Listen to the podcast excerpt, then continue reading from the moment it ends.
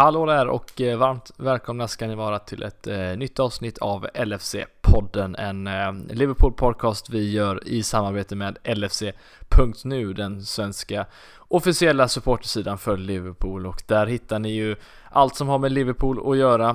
Ni kan dessutom gå in och bli medlem, vilket jag varmt kan rekommendera, så kan ni ta del av Eh, alla krönikor, reportage, eh, tävlingar och allt möjligt som har med Liverpool att göra och eh, nej, en, en riktigt trevlig sida som jag varmt eh, kan rekommendera att eh, ni besöker. Vi eh, kommer i det här avsnittet att fokusera såklart på det som hände i eh, lördags förmiddags när Liverpool besegrade Newcastle eh, och tog sin 14 raka seger eh, i Premier League och så kommer vi även snacka upp inför eh, ja, första matchen i Champions League som eh, börjar på tisdag när Liverpool besöker Napoli. Så ta och häng med så kör vi igång det nya avsnittet. Mm.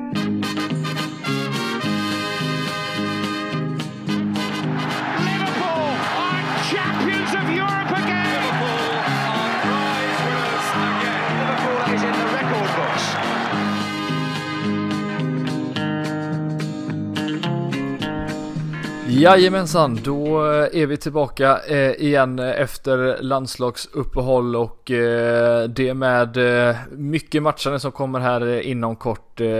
Vi sitter här, eller jag sitter här i alla fall i ett fruktansvärt blåsigt Göteborg. Det är knappt så att jag vågar sitta och podda ute tusan om huset faller ner snart. Men det är kul att sitta och prata Liverpool igen. Det var alldeles för länge sedan kändes det som. Och ja, vi kommer ju fokusera mestadels på det som hände mot Newcastle men även snacka upp inför för kommande Champions League-säsong som startar redan på tisdag när Liverpool åker till Napoli och eh, ska starta sin säsong där. Och eh, ja, mycket fullmatat avsnitt som ni inte får vara med och missa här utan eh, vi tar väl och kickar igång direkt. Men med mig har jag ju såklart idag då Kalle Sundqvist som kanske inte har lika blåsigt som jag eller hur har du det? Ja, idag har det varit ganska stillsamt faktiskt men igår däremot så var det ett jävla regnväder och mm lite blåsigt. Var ute och firade seger med jacuzzi-bad ute i stugan och det, det var kallt. Så att det, eh, man märker att hösten börjar närma sig riktigt. Ja, och när hösten närmar sig då vet man att det, då är det massa Premier League-fotboll och vi har ju som sagt, det har ju gått bra för Liverpool så det känns ju skönt att kunna sitta här och snacka men hur, eh, hur skönt är det när uppehållet av landslags, ja, landslagsuppehållet är, är klart nu då? Ja men det är klart att det är skönt att det är över. Man vill, det är ju Premier League-fotbollen man vill ha. Um, nu var jag trots allt faktiskt ner och kikade på, på Sverige-Norge på ja, Friends. Det. Men uh, det var ju det var ingenting man kommer berätta för barnen om någon gång i framtiden. Så att det, det är skönare att snacka om Premier League, det måste jag säga. Mm.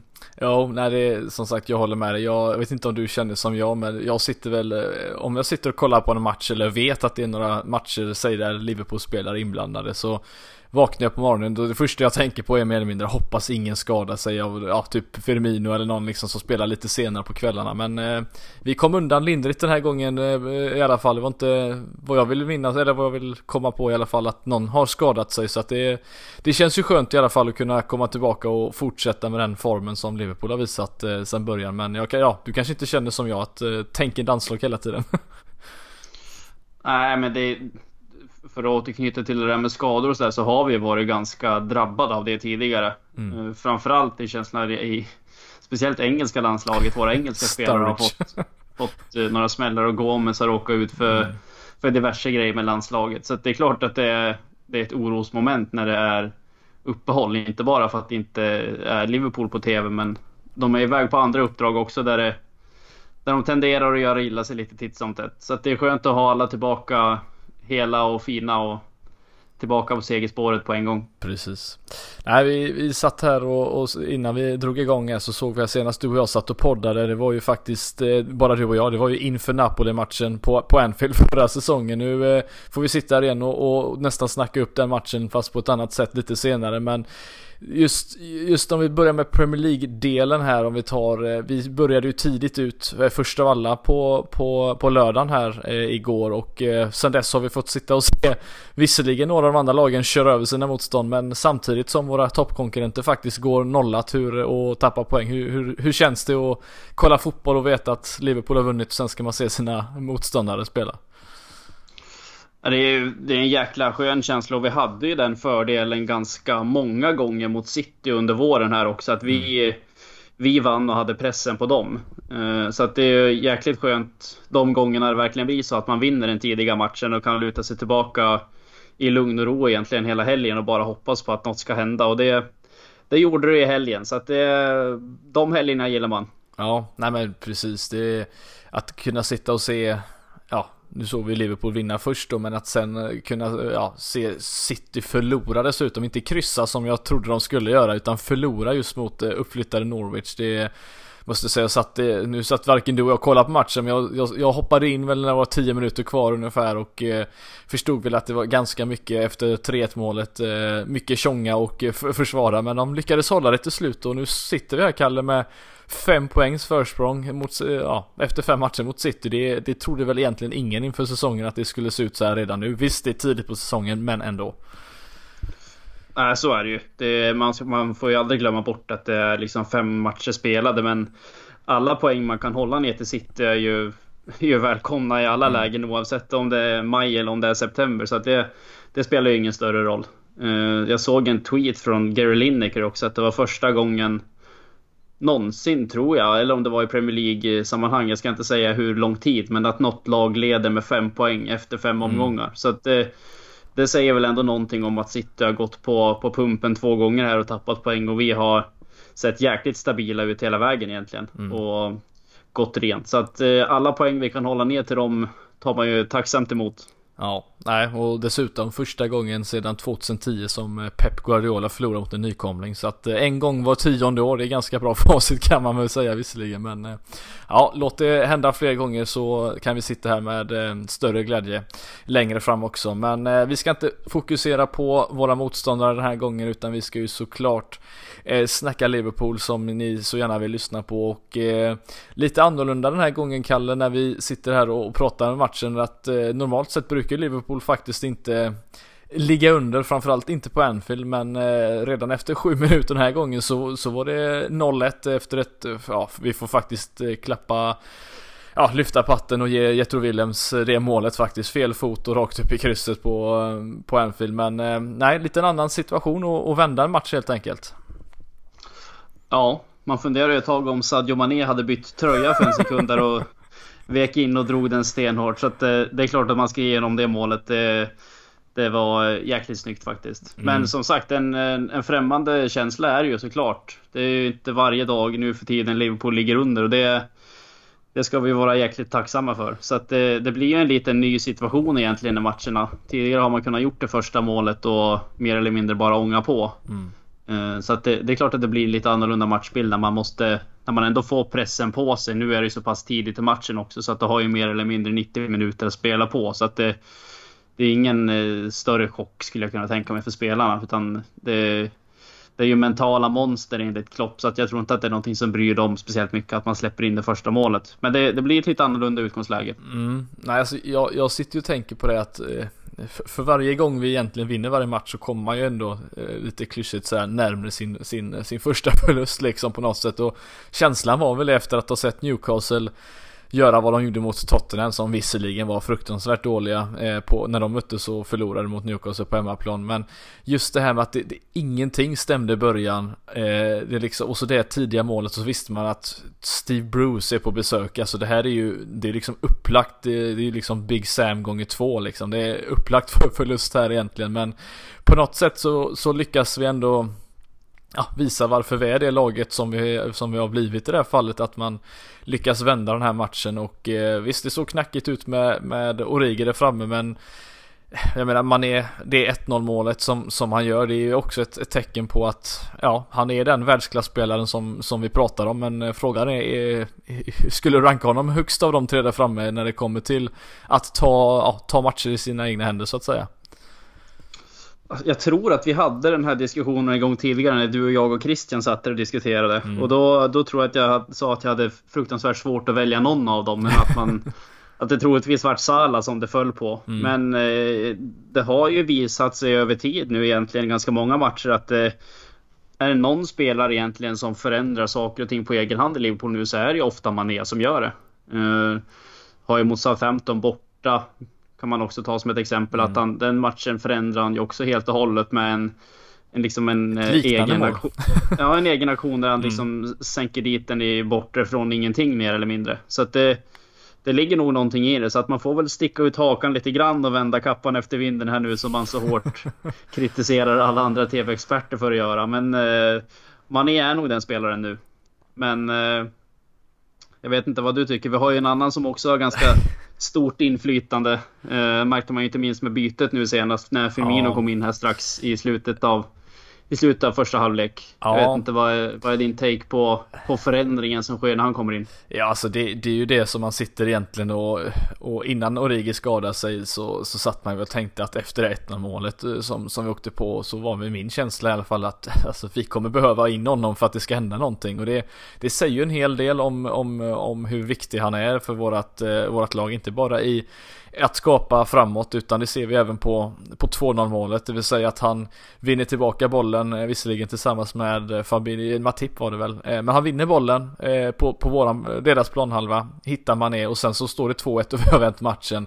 Det här gör han bara liksom 3-4 minuter efter att han kommit in så att det Alltså han, han är så extremt viktig och jag, jag såg en tweet om, som en kille hade skrivit som ja, många kanske inte skulle hålla med men han sa att jag började kolla på Liverpool 69 så han har ändå varit med under de här guldåren som vi missade Kalle men han sa ju att han är lätt topp tre av de favoritspelarna han har sett spela på Anfield alltså i form av kvalitet och, och, hur unik han är. Och det säger väl en hel del med tanke på vilka spelare som har sprungit ut på det gröna gräset eh, sedan dess. Och eh, jag är väl beredd att hålla med att han är absolut en av de mest unika och bäst, bästa spelarna vi har haft i vårt lag under modern tid. Och det Nej, han är, han är bara så speciell på så många sätt, men sättet han, han, han spelar fotboll, det, det märks att det ja, smittar av sig på de andra för att både Salah och Mané blir ju bättre av honom, men eh, jag vet inte om jag skulle, ja, jag, jag, jag håller honom faktiskt, hör och öppna, över Suarez i form av eh, när det kommer till duktig fotbollsspelare. Alltså det låter konstigt att säga det med tanke på hur bra Suarez var, men jag, jag skulle faktiskt ratea honom högre.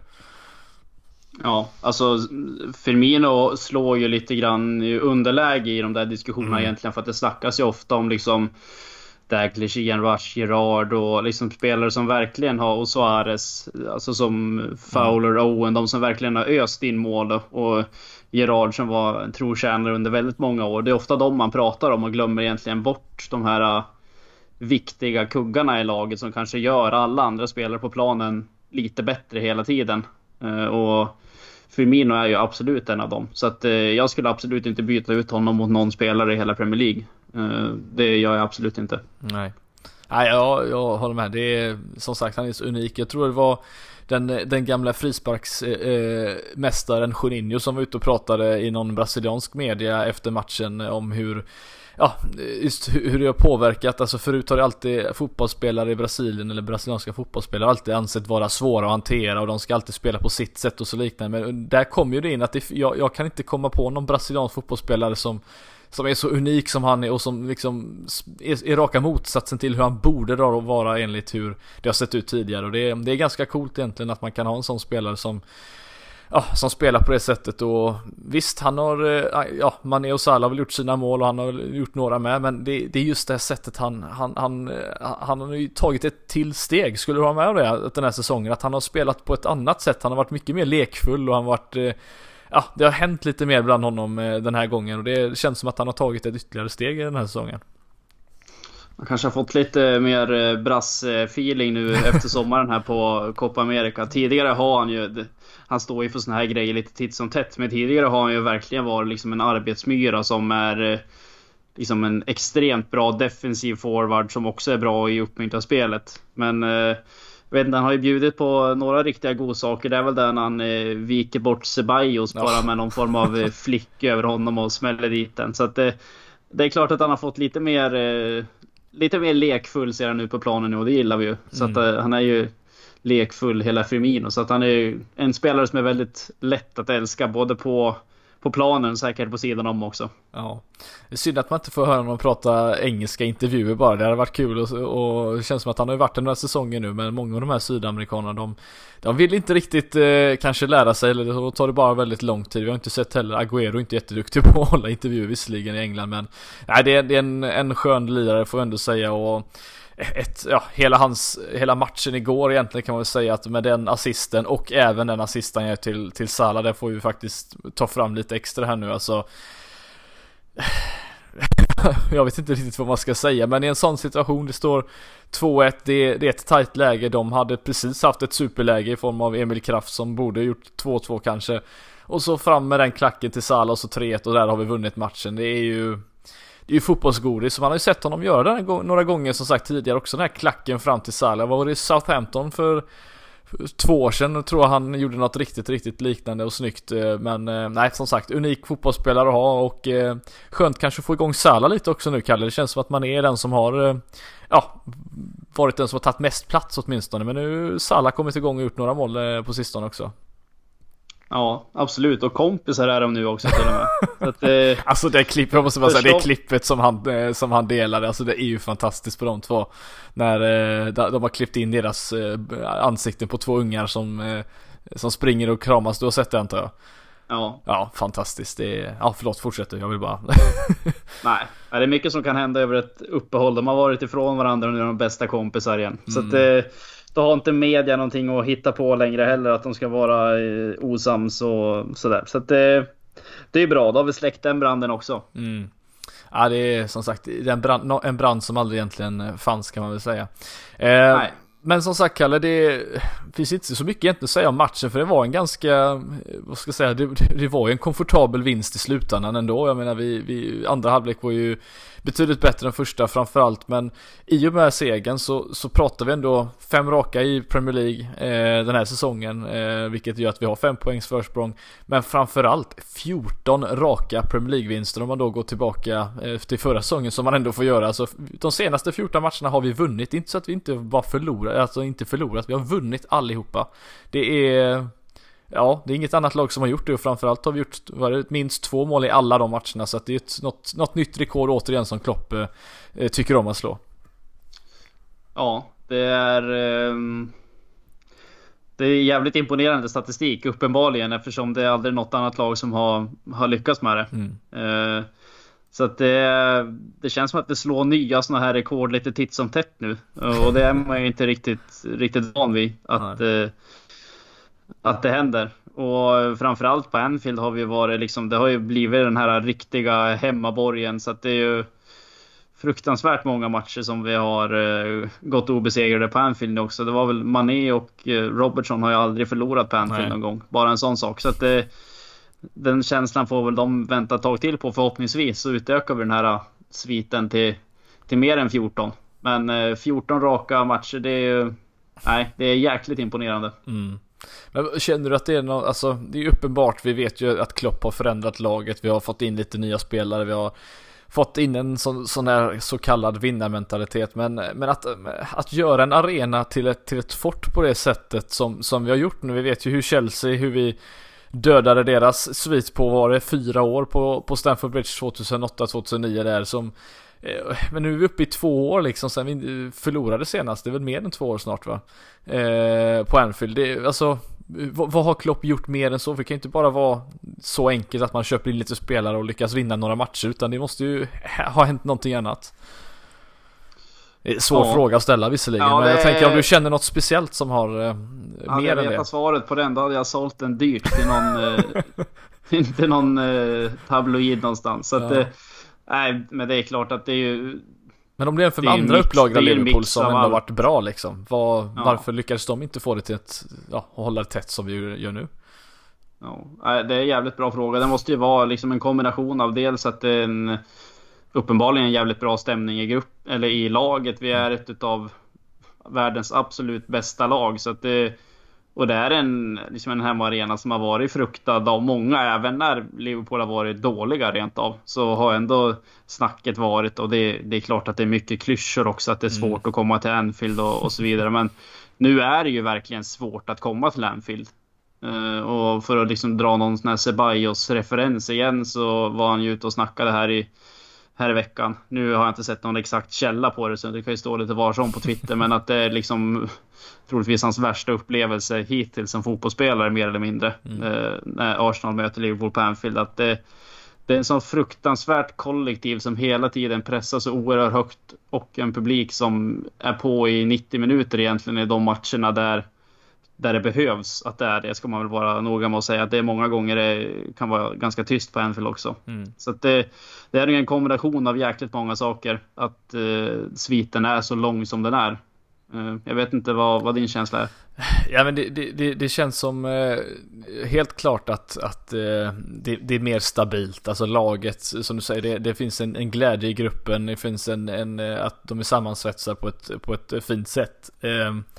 Sen, sen, som du säger, alltså jag vet att du har ju varit på, på Anfield betydligt fler gånger än vad jag har varit och, och jag har ju varit på stormatcher så där är det ju alltid bra stämning. Men du som har varit på lite andra matcher, alltså, du, du, du vet ju precis som du nämnde hur det har sett, kan ha sett ut tidigare framförallt under de lite tråkigare åren när det inte var lika roligt att, att hålla på Liverpool som det är idag. Men det är ju någonting som har hänt eh, Klopp är ju egentligen Eh, den perfekta tränaren i det här fallet med tanke på att han, han, han vill ju spela fotboll med att få med publiken på det sättet. Det finns ju ingen annan tränare i ligan som, som jobbar på det sättet känns det som. Inte som är så engagerad och hela tiden vill ha med dem. Och det, det är ju någonting eh, i kombination som sagt med att vi börjar vinna men med att vi har den kanske den ultimata tränaren för det här laget eh, och den här klubben egentligen. Det känns som att allting har fallit på plats. Det enda som saknas är ju som sagt en ligatitel men Nej, det, det, är fantastiskt att, att, att, se det. Jag menar, det, det är en grej att, att kryssa en hel del matcher och ja, kanske inte komma undan i, i sista stund, men det, vi vinner ju matcherna. Det är inte det att vi kryssar oss fram, utan vi vinner ju de flesta matcherna. Det är ju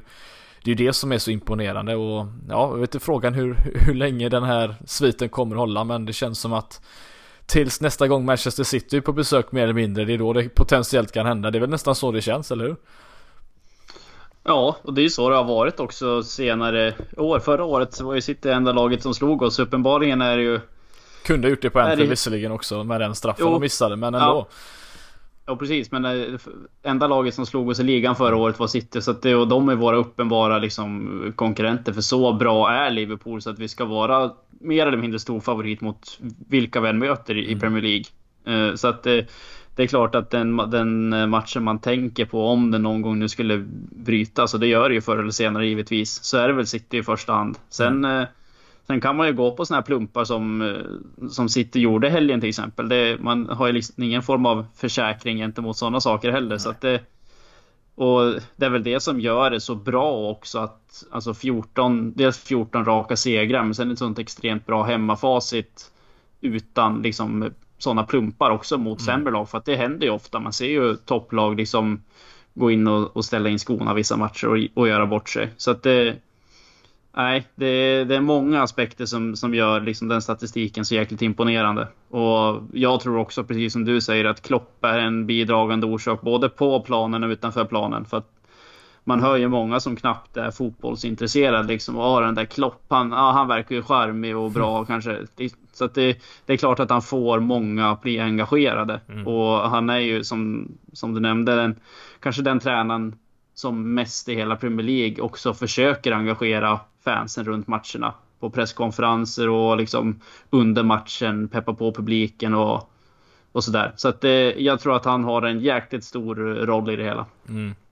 Ja, det är, ja man, man, vill ju knappt sitta här och diskutera hur det, hur det kommer se ut när han, han lämnar Liverpool på något sätt. Men nej, det, det är som du säger, det är, han är, det är handen i handsken. Det är, han är gjord för Liverpool och eh, sättet han eldar på publiken. Eh, även i, igår, lite intressant eh, efter eh, den där straffsituationen på Matip som, eh, som diskuterades flitigt eh, efter matchen och även under matchen så när man är gör 1-0 så både han och Pep Linders går ju fram och firar framför fjärdedomaren vilket är lite kul. Men han, han är ju som karaktär liksom. Det är, det är ju det som man tycker om. Jag menar jag älskade eh, Rafa Benitez på, på sitt sätt att han behövde inte göra särskilt mycket men fick ut väldigt mycket men eh, han är ju långt ifrån samma karaktär som Jürgen Klopp. Det är väl mer eller mindre raka motsatsen eh, om man skulle säga så. Eh, och jag vet ju vilken typ av tränare jag föredrar att ha eh, vid sidlinjen. Men eh, nej, det är imponerande Kalle. Det som Liverpool har gjort. 14 raka sagt må det fortsätta nu. Blir det lite tuffare nästa helg när det är, när det är Chelsea visserligen. men som sagt, vi har slått dem under den perioden så varför inte? Nej, det, Chelsea hemma är ju också en, eh, har ju varit lite av en sån här läskig match genom åren. Eh, men eh, det är ju... Det är ett annat lag nu. Det är ett annat lag nu. Och det är, det är andra lag. tider nu. Så det, det är klart att det är så. Mm. Ja, det är fantastiskt. Och jag läste lite intressant statistik innan vi går vidare från, från matchen att eh, de senaste gångerna, fyra gångerna Liverpool legat under på Anfield så, så har de vunnit, vunnit eller vänt och vunnit de matcherna. Så att eh, det här med att komma från underläge, visst vi kanske inte händer jätteofta men eh, vi lyckas på något sätt krock, ja, trockla oss ur det på något sätt. Och det säger också en hel del om hur, hur vi har gjort Anfield till den här borgen som, som det är. Men eh, nej, kul med eh, när det går bra för Liverpool. Det är väl egentligen det vi kan sitta här och, och, och säga. Det kan, vi det kan vi konstatera. Nu tror ja. jag att jag sa Chelsea hemma där och det ja. vi möter dem hemma sista matchen i år. Så, så det blir Chelsea borta. Just Men eh, hur som haver så ska vi spöa dem oavsett om det är hemma eller borta. helt rätt, helt rätt.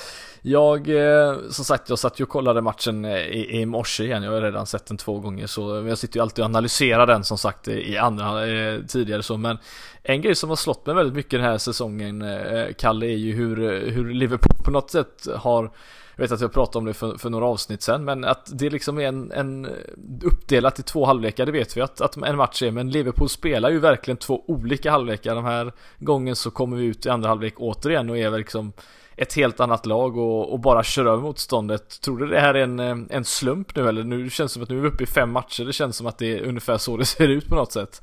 Eller tror du att Klopp har en, en tanke bakom det? Att inte trötta ut sina spelare kanske? Nej, någon sån taktik är svårt att säga att det finns. Att man liksom ska ta det lugnt en halvlek och sen eh, gå för fullt i den andra. För då kan matchen redan vara förlorad. Mm.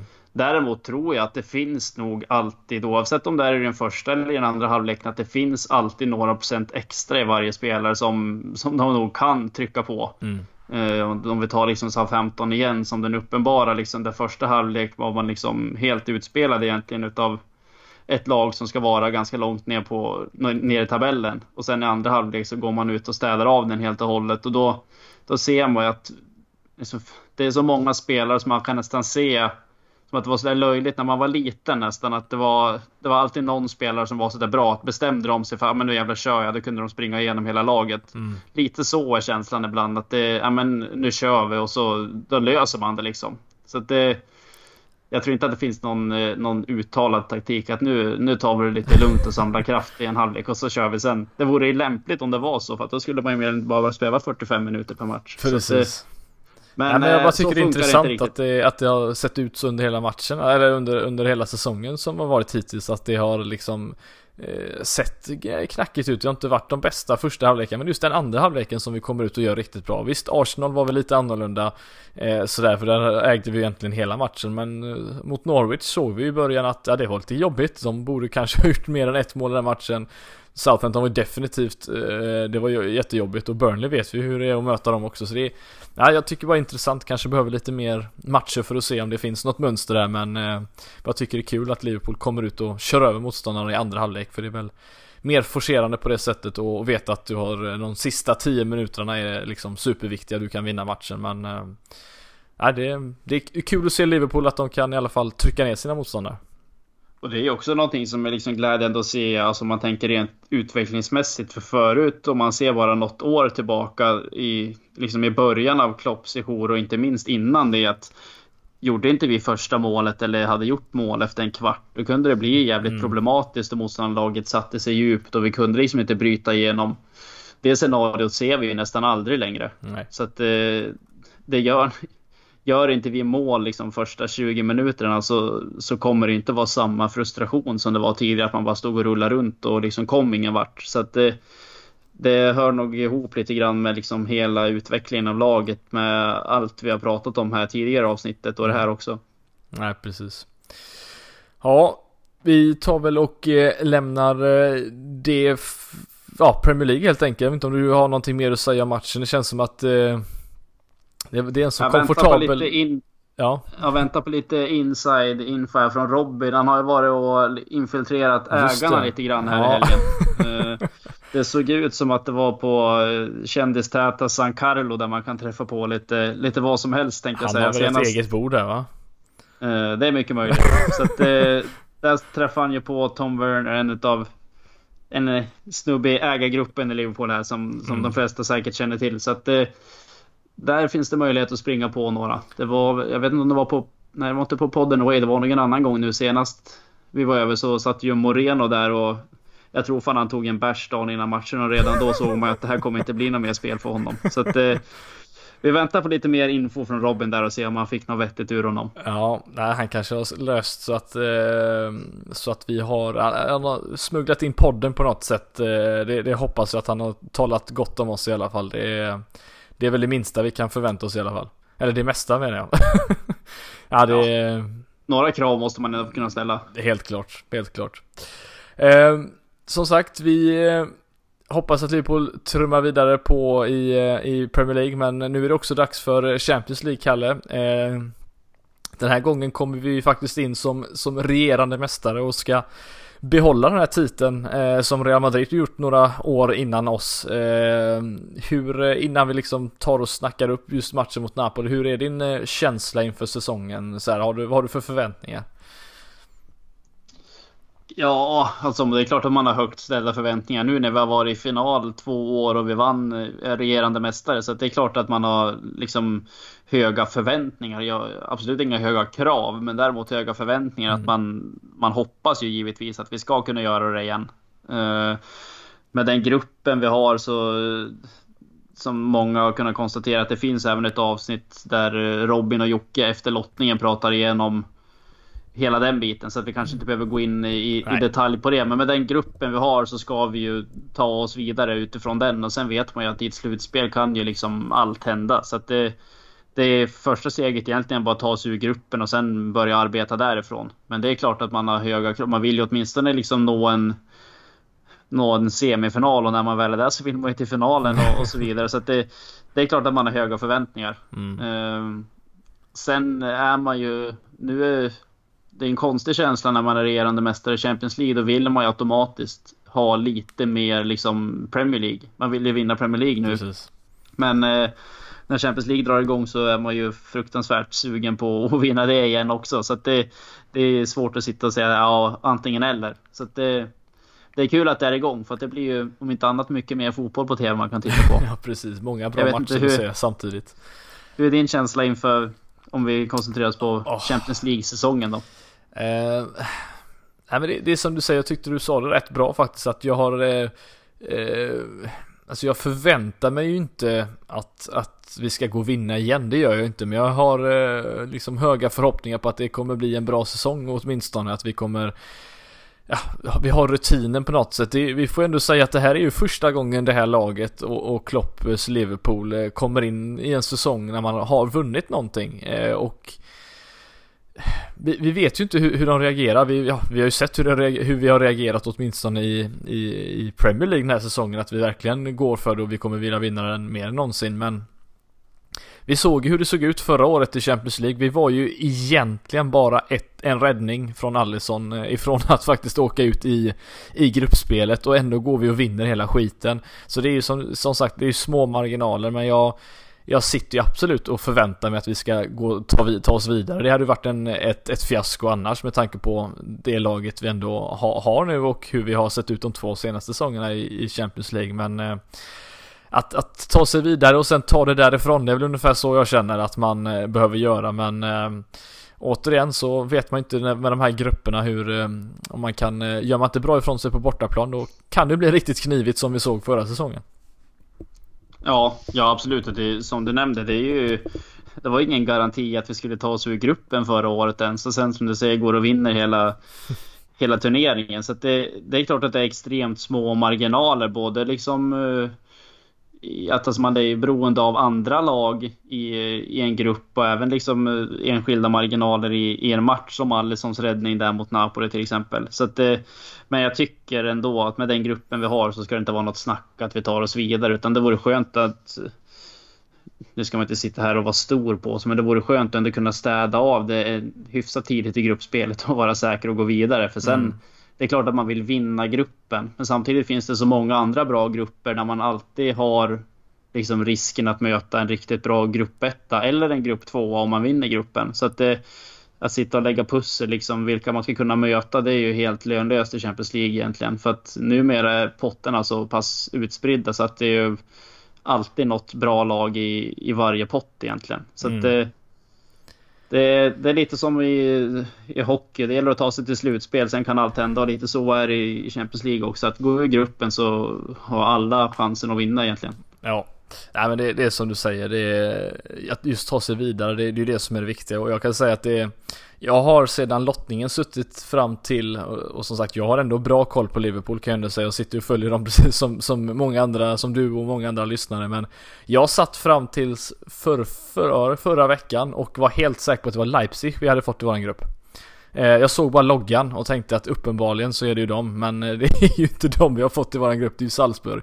Eh, och det säger väl en hel del om att det, det, är lite skillnad på grupp kan man säga. Hade man haft dem med som gör bra ifrån sig i, i tyska ligan så Eh, lite skillnad men eh, ja, det känns som att gruppen lättade upp sig lite för mig när jag satt och fick den eh, uppenbarelsen på något sätt men Ja, det är det... inte lätt att sitta och navigera bland all energidryck och allt vad det är som är, figurerar nu. Så det, du var nog inte ensam om den tanken. Sen Nej. tror jag nog att många hann reda ut det tidigare än för en vecka sedan. Men, det, ja, men jag, har varit så, jag har haft fokus på Premier League vet du. Det är det enda jag har tänkt på inför tiden. Ja, Nej, det är helt rätt. Fokus på en sak i taget. Så ja. är det ju.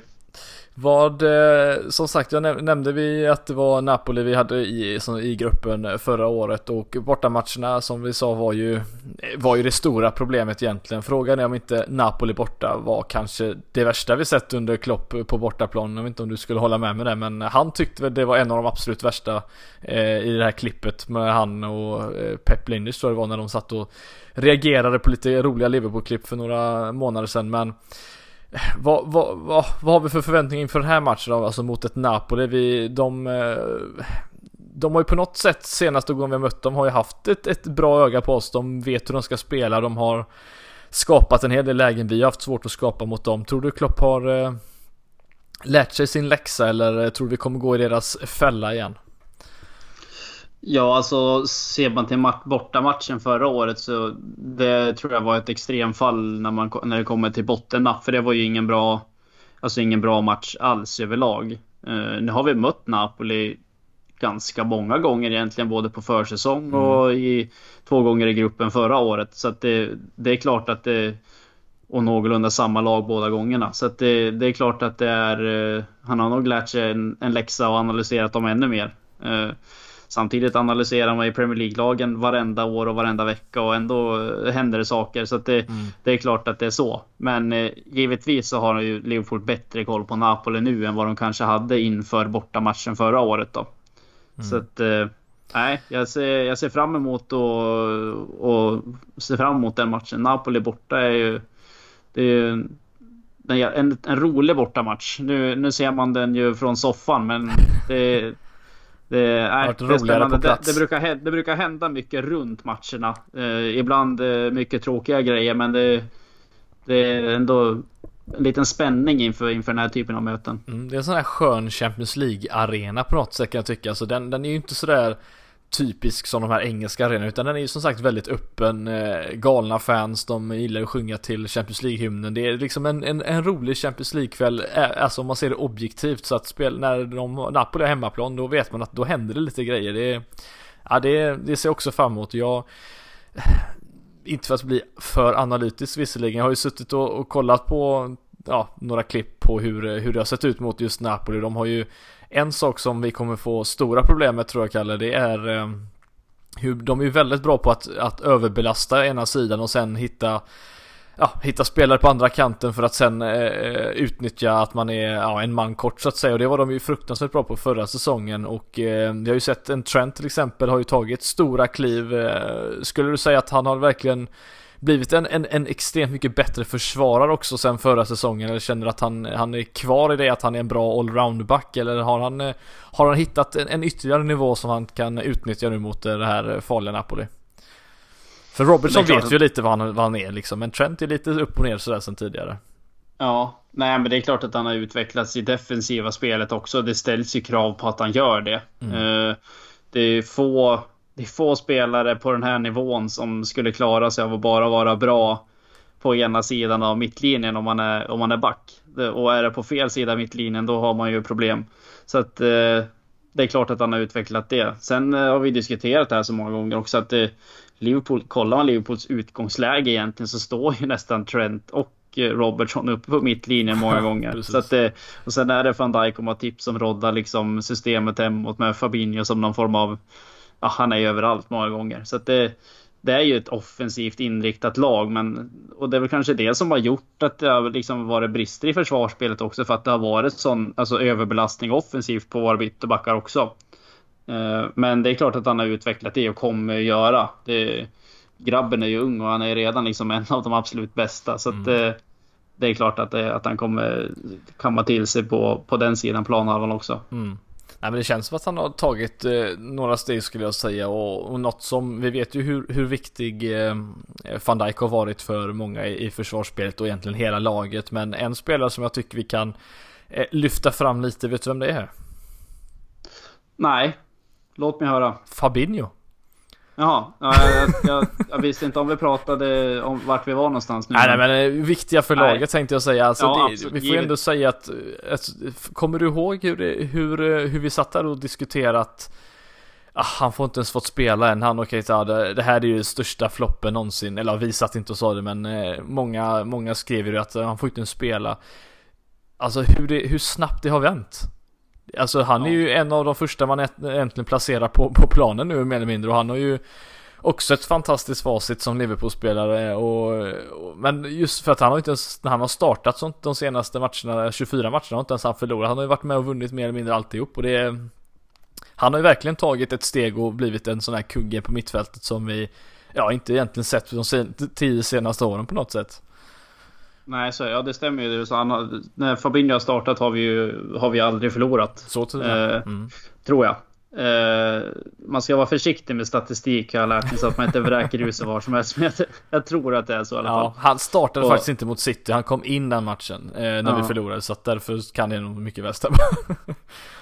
Nej, men det, det, är klart att vi har ju sett det många gånger. Inte, liksom, Liverpool har ju saknat en defensiv mittfältare. Och det är ingen hemlighet att liksom, vilken vikt det har i ett lag. Det är liksom bara att kolla på Sitt, ta bort Fernandinho senaste åren i City och se hur det hade sett ut då. Satt mm. in liksom någon, någon medelmåtta där. Det, det hade varit extremt stor skillnad.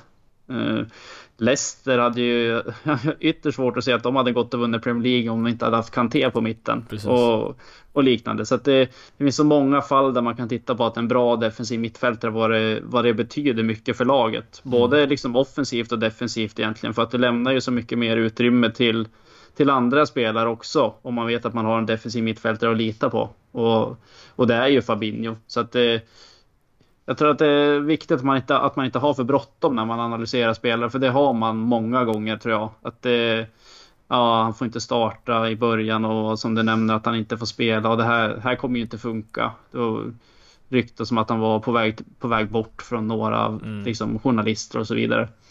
Så att det, man måste låta ge dem tid och uppenbarligen så får de tid. Det är bara att kolla på Fabinho nu och alla andra som, som liksom långsamt, långsamt har jobbat in i Liverpool. Robertson är också en av dem. är en av de absolut bästa. Så att det, det tar tid och sen det lönar sig i längden. Det är bara att kolla på, kolla på Fabinho nu vilken liksom betydelse han har för Liverpool. Mm. Så att eh, Även om jag inte plockar den från luften av det så, så han förtjänar all heder han också. Mm.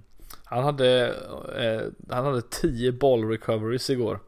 Alltså det är, det är sinnessjukt vad han vinner mycket bollar alltså. Och inte i inte bara sådana här lösa bollar utan att han vinner ju, han, han stoppar ju viktiga liksom anfall och innan det hinner bli ett anfall mer eller mindre. Det är, med de långa spindelbenen så, så är det klart att det hjälper ju men eh, han har visat, eh, verkligen visat prov på varför han, eh, han köpte sig in. Alltså det är inte bara försvarsdelen, han, han är ju en bra passningsspelare också. Eh, han har ju ett bra skott, nu kanske han inte fått utnyttja det riktigt än men med tanke på hur långt ner i banan är. Men nej, det är en, en skön spelare att, eh, och en trygg spelare att, att ha där bak. Det finns lite svineri i honom också. Det känner jag att det har vi haft för lite de senaste åren, även fast Suarez stod för en hel del själv. Men just det här med att, att eh, han, han kommer ner, hämtar boll så tryggt och, och nej, det är fantastiskt skönt att ha, ha en sån typ av kvalitetsspelare som dessutom nu också kommit in i det brasilianska landslaget. Det var väl på tiden också att han kommit in där och tagit sig en plats för så, så viktig som han är för Liverpool. Det,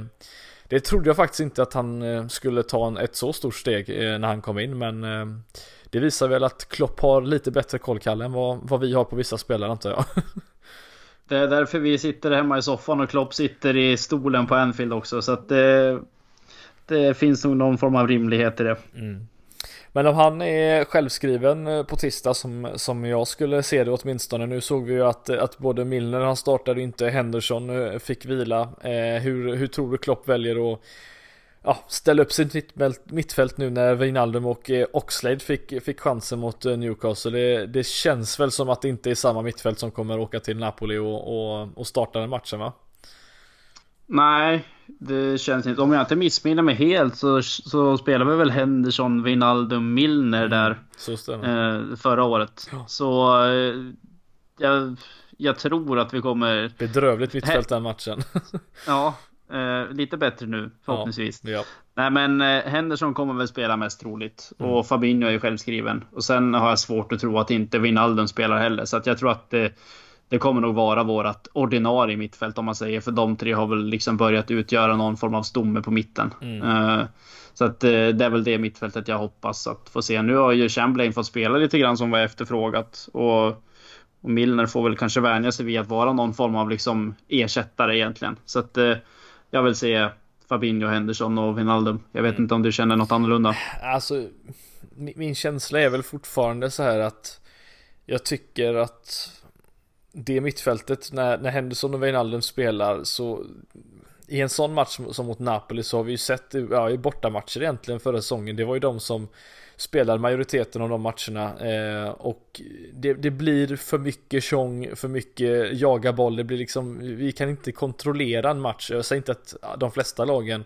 åker till Napoli och, och kontrollerar en matchbild på mittfältet men det känns som att vi har det är så pass bra överlag så vi borde kunna göra det med rätt spelare på plan men med Henderson och Wijnaldum så blir det, blir det allt för, för passivt. Det blir inte så mycket kreativitet utan det blir väldigt mycket låta de tre där framme göra jobbet och det, det är inte jättelätt att, att göra det på det sättet i en Champions League-match men jag, jag tror väl att det är de som kommer få spela, eh, absolut. Men jag hade jättegärna sett, eh, ja, nu är ju inte Keita redo men eh, eh, Alltså någonting mer kreativt på det här mittfältet för att kunna hjälpa till de tre där framme. Jag tror Chamberlain har varit kul att sett men eh, jag tror att han får nöja sig med att starta matcher mot Newcastle och lite av de här matcherna på, på Anfield eller i, i Premier League innan han får en startplats i Champions League åtminstone. Det är väl min känsla. Jag tror att Klopp eh, håller nog med mig där också. Ja, men jag, jag, tror det ligger nog någonting i det du säger. Det är klart att det ibland kanske saknas lite kreativitet och att Chamberlain skulle behöva spela. Uh, men uh, det här med att han, att han får vänja sig vid att starta den här typen av matcher som vi hade i helgen. Jag tror att det är ganska viktigt att nu är ju han tillbaka i, i bra fysisk form. Det är inget mm. snack om det. Men jag tror ändå att man kommer försöka ett litet tag till skynda långsamt liksom och sen eh, är det så att han ska spela så, så kommer han spela. Det, det tror jag inte är något snack. Men jag har svårt att tro att, att Klopp väljer att spela något annat mittfält än, än det vi nämnde här nu. Eh, sen har han överraskat för många gånger, men eh, det är det jag vill se nu om man ser kortsiktigt till på tisdag i alla fall. Mm, amen. Stabilitet före riskerna, det är helt rätt. Absolut. Helt rätt. Hur, eh, ja, hur slutar helgen då? Eller förlåt, helgen. Tisdagsmatch menar jag. Ja, det är inte många timmar kvar av den här helgen nu. Nej, att, det är sant. Nej, jag vet inte. Jag tror... Eh, alltså Napoli borta är en, det är en svår bortamatch. Du tar ett kryss på förhand? Ja, det gör jag. Jag tror, inte att vi ska, jag tror inte att vi ska åka dit och liksom... Eh, det är ingen bortamatch man bara åker och städar av. Så att jag skulle inte bli helt förvånad om det blir ett kryss. Så att... Eh, jag säger... Eh, vi tar väl 1-1 då för att vara lite tråkig kanske för en gångs skull. Det blir en sån här typisk Benites kväll på bortamatch i Champions League. Ja. Klopp Vi... vet inte vad det betyder. Vinna uh... hemma oavgjort borta, har du aldrig hört talas om det? jo då. En, en riktig klassiker. Ja, den är... det är ett sätt man, man vinner titlar i ja, Champions League åtminstone. Eh, nej men jag, jag tror också på kryss faktiskt. Jag tror, eh, jag, jag, tror på ett, ett, ett 2-2 resultat tror jag.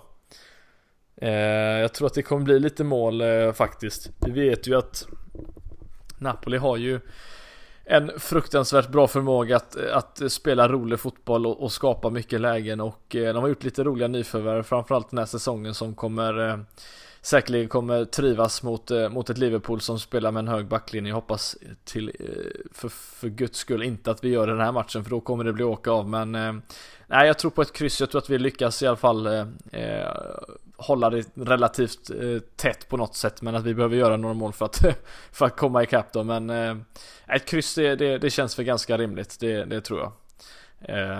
Så länge det inte blir förlust och man får starta i uppförsbacke, det är väl min känsla i alla fall.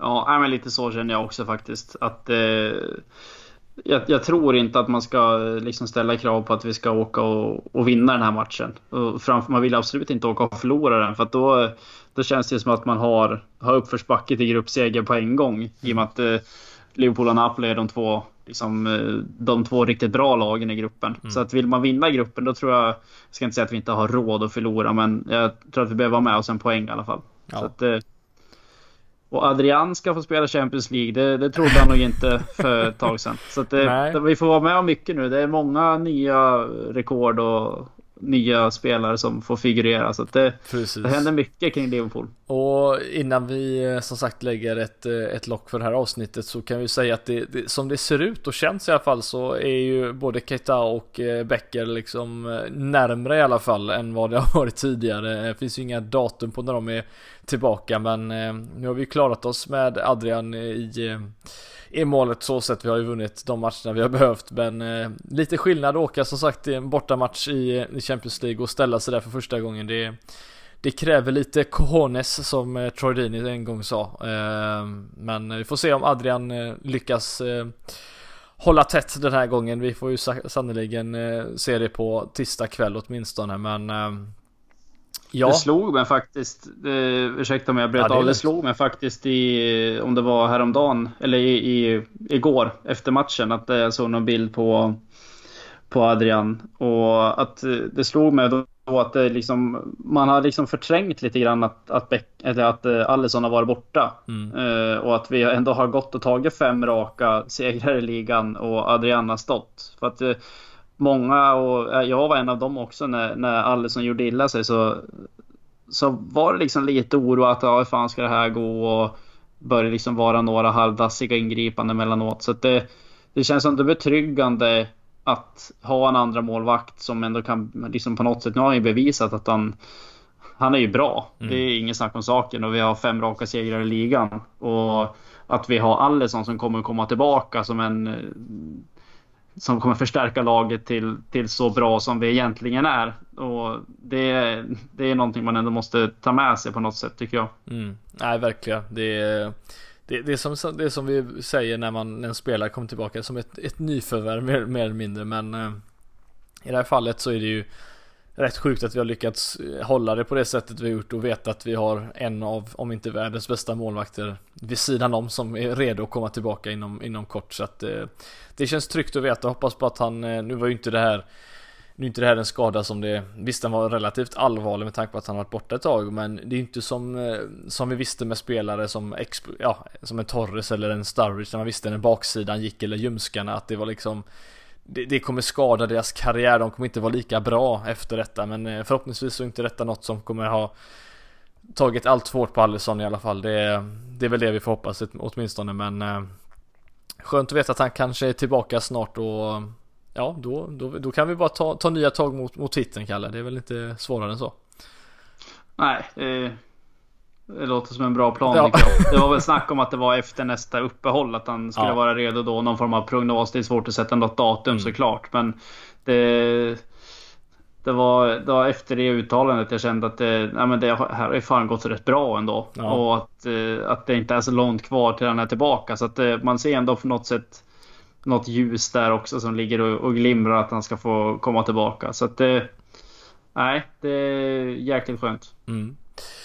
Bra, nej men då eh, känner vi väl oss eh, nöjda för eh, den här gången kan jag tycka. Och fått med lite Newcastle-snack och lite inför Napoli här. Men som sagt det är snart dags för match så att Kommer inte, kommer inte ha jättemycket tid innan ni får lyssna på det här avsnittet. Men eh, som sagt sprid det till era vänner och eh, hoppas ni har tyckt om det här avsnittet. Vi eh, hörs efter Napoli. Så tack för att ni har lyssnat och så hörs vi snart igen. Mm.